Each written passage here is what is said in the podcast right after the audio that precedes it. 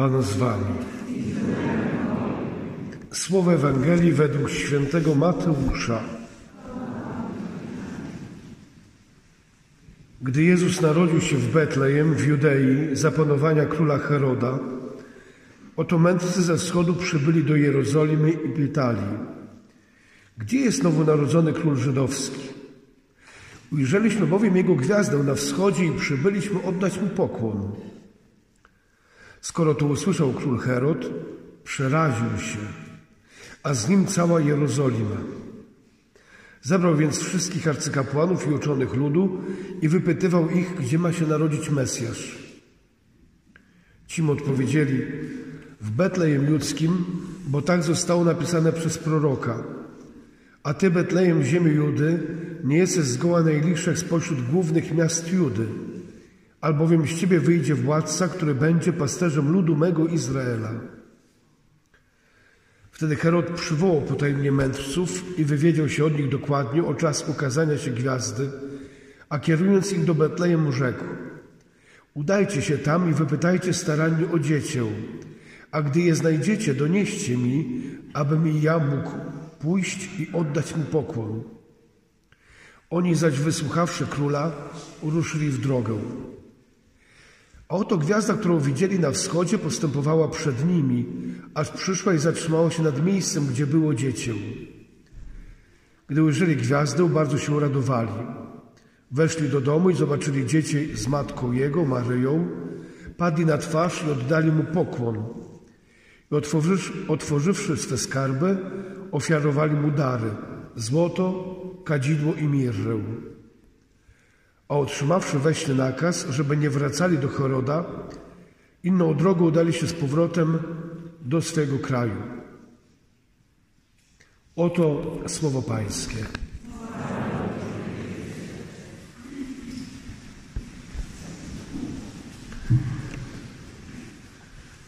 Moi drodzy, uroczystość objawienia Pańskiego, która potocznie nazywana jest trzema królami, to jedna z najstarszych uroczystości. Zanim Kościół świętował Boże Narodzenie, już świętował objawienie Pańskie. Zaraz po uroczystości Zmartwychwstania Pańskiego to była najważniejsza uroczystość. Ciekawe, że Kościół nie przykładał takiej wielkiej wagi do czasu narodzenia Chrystusa i zdajemy sobie sprawę z tego. Mam nadzieję, że data świętowania Bożego Narodzenia jest umowną datą, przejętą zresztą ze świata pogańskiego, żeby było jasne. Niemniej Kościół od razu świętował objawienie i to w trzech wymiarach. To się później wszystko rozbiło w liturgii. Mianowicie to objawienie trzem mędrcom ze wschodu, dalej objawienie przy chrzcie Jezusa w Jordanie i wreszcie objawienie Jezusa na weselu w Kanie Galilejskiej. Te trzy elementy były związane z objawieniem. Bóg objawia się, jaki jest. I zobaczcie, od największego grona, od wszystkich ludów ziemi, mędrcy ze wschodu, wszystkie ludy ziemi, poprzez tych, którzy stali przy rzece Jordan i wreszcie, jak mówi Ewangelia, kiedy dokonał się cud w Kanie Galilejskiej i uwierzyli w Niego Jego uczniowie. Można powiedzieć, Jezus chce wszystkich do siebie pociągnąć. Pierwszy wymiar tej uroczystości objawienia Bożego to jest właśnie to, że Bóg chce pociągnąć wszystkich. Bóg nie chce pozostawić poza zbawieniem jakiejkolwiek osoby, jakiejkolwiek duszy, że tak się wyrażę. Bóg pociąga do siebie wszystkich. Każdy w sercu Pana Boga ma swoje miejsce. I to jest dobra nowina. To taki punkt zaczepny. I jeszcze takie dwa punkciki.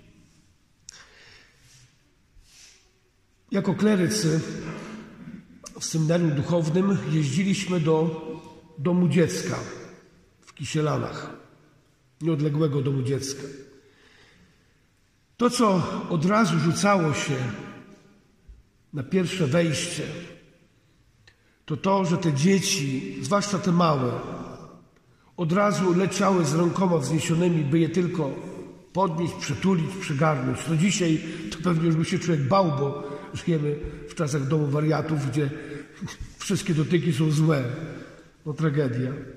W każdym razie te dzieci były tak stęsknione miłości, akceptacji, bliskości, czułości, że były w stanie brać to od osób obcych.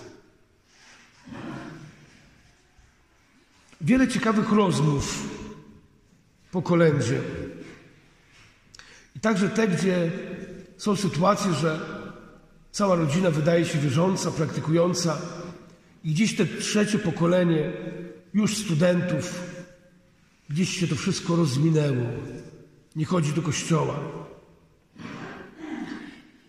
Czy to jest tylko kwestia powiedzenia chodź do kościoła? Czy to jest tylko kwestia powiedzenia wypełniaj przykazania? To stanowczo za mało. Wydaje się, że Kościół w Polsce przeszedł tą drogę powierzchownie. Rzeczywiście czas komuny był czasem chyba takiego uśpienia. Kościoły pełne, mnóstwo ludzi, jasna granica. Oni, my. Komuniści i niekomuniści. Albo lepiej powiedzieć partyjniacy, bo nie wszyscy komuniści może byli źli. Jasny podział. I czasami ta wiara, to chodzenie do kościoła, to była jak bardziej forma sprzeciwu, forma walki. My wam pokażemy. Zakazujecie, to my tym bardziej. Taka też przy okazji nasza polska natura. Później ta złota wolność, można powiedzieć, te różne trudne doświadczenia tej takiej polskiej pierestrojki, że tak się wyrażę, tych przekształceń. Także różne doświadczenia związane z Kościołem, także grzechów ludzi Kościoła. To też pokazało, że człowiek gdzieś zaczął się gubić. I to, co znowu doświadczamy tego dzisiaj, też na kolędzie to wychodzi. Gdzie jest prawda? Kto mówi prawdę? Gdzie trzeba słuchać, żeby usłyszeć prawdę? I rzeczywiście w tych czasach tej złotej wolności wielokrotnie doznawaliśmy zamętu, a mimo to cieszyliśmy się raz dzieci do komunii, dzieci do bierzmowania, dzieci na katechezie. I wydawało się, że wszystkie trybiki działają. Przecież wspominacie jako rodzice, kiedyś to była katecheza przy punktach katechetycznych, wtedy się chodziło, bo się chciało, to teraz nie jest lekcja. To zawsze można zapowiedzieć, to dobra. To skoro tak było dobrze, to gdzie są wasze dzieci? Wydaje się, że wyczerpał się ten, można powiedzieć, tylko intelektualny proces formowania. Poznać prawdy wiary, poznać katechizm, poznać zasady życia Kościoła. To za mało. Trzeba doświadczyć Boga. Jakoś ci, którzy nawet tego Boga nie doświadczyli, jeszcze jakoś ciągną siłą, można było powiedzieć, jakiejś pewnej tradycji, pewnego przyzwyczajenia. Ale wydaje się, że jest to małe. Tak jak z tymi dziećmi z domu dziecka, jeżeli nie doświadczysz miłości, jeżeli ci najbliżsi opuszczą, to jesteś w stanie kupywać w cudzysłowie tę miłość od innych. Są ludzie, którzy nie byli w domach dziecka, ale mają bardzo niskie poczucie wartości, chcą kupywać czyjeś dobre zdanie, dobre opinie, płacąc za tym taką czy inną cenę, bo nie mają w sobie doświadczenia miłości. Podobnie jest z wiarą. Wiara rodzi się ze spotkania, z doświadczenia, z doświadczenia Boga, który przychodzi. Oczywiście pomoże w tym pewna tradycja, pewne wychowanie, pewna, można powiedzieć, atmosfera chrześcijaństwa, ale to jest za mało. To jest coś takiego, co by doprowadziło do spotkania z Herodem, tak jak u mędrców.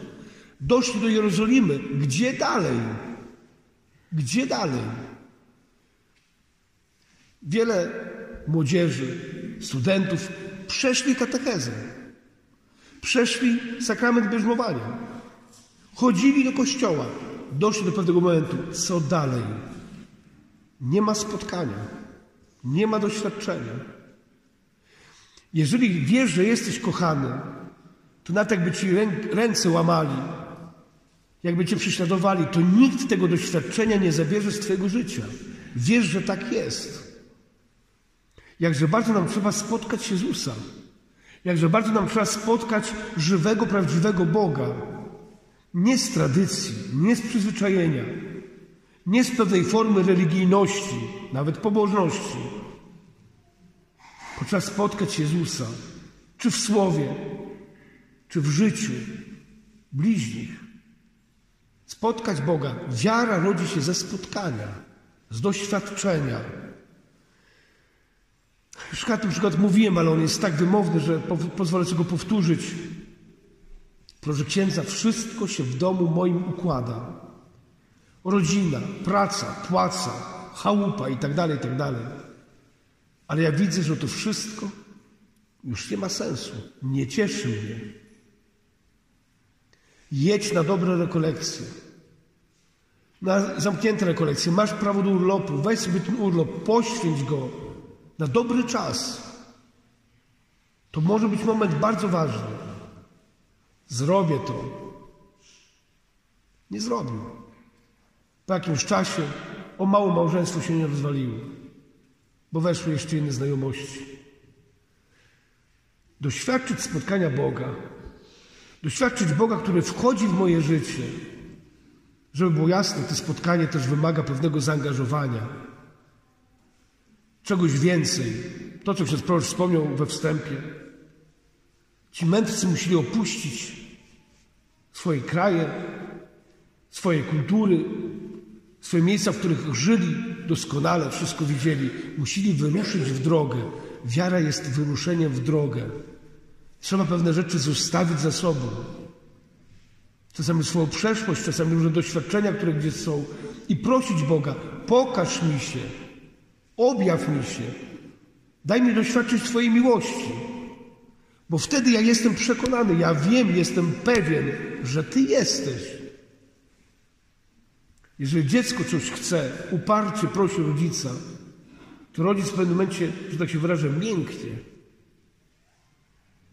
Doświadczyć Pana Boga, doświadczyć spotkania z Panem Bogiem, by mieć świadomość tego, że On naprawdę działa, On naprawdę żyje, On naprawdę chce mnie zbawić.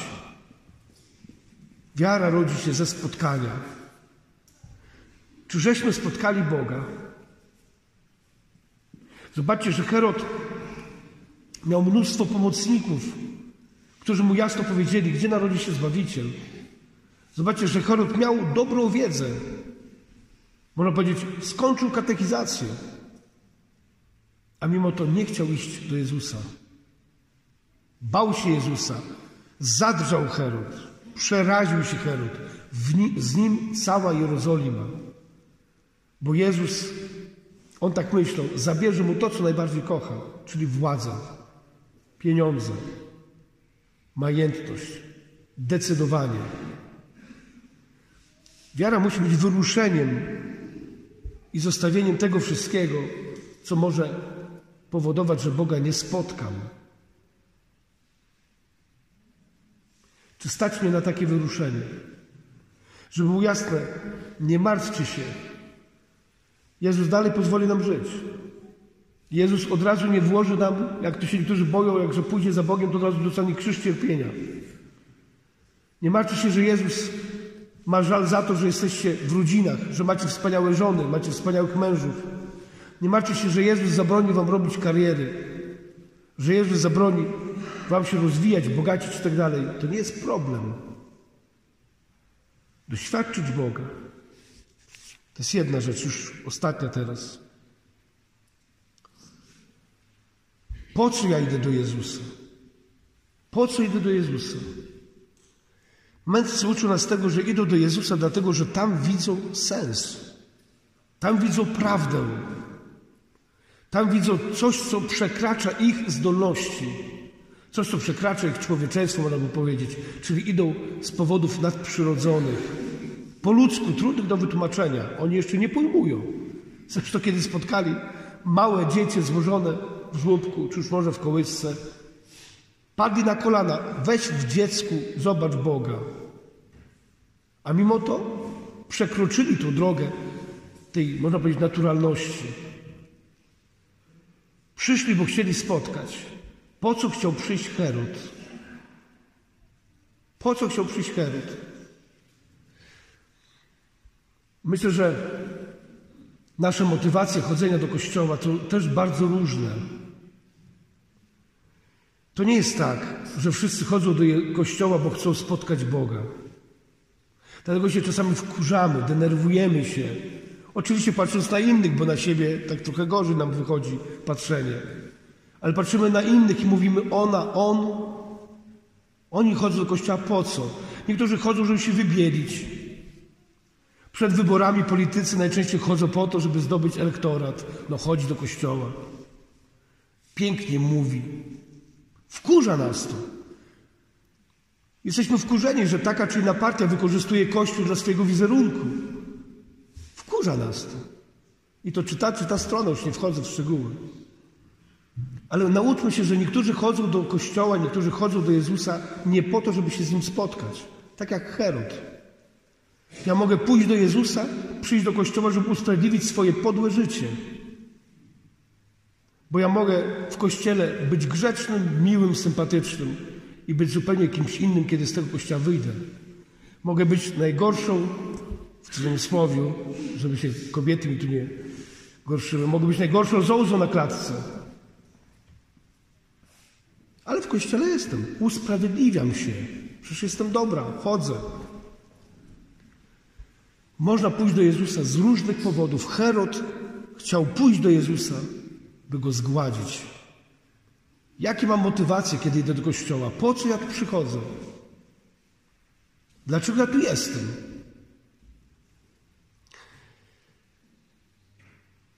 Tamto miała być ostatnia, tutaj już ostatnia naprawdę. Drodze wiary potrzeba spotkać tych, którzy pokażą drogę. Nie daj Boże, byśmy dla kogoś okazali się Herodem. Nie daj Boże, byśmy komuś pomącili drogę wiary, byśmy komuś nie pomogli w drodze do wiary. Nie daj Boże, by ktoś przez nas zabłądził w drodze do Boga. Skoro tutaj jesteśmy, to proszę, byśmy byli uczciwi wobec siebie i wobec Boga. I byśmy naprawdę chcieli doświadczyć spotkania Boga, który kocha, który zbawia. Byśmy dla innych byli drogowskazami do spotkania Boga, do doświadczenia Jego miłości. A miłość najbardziej przekonuje. Amen.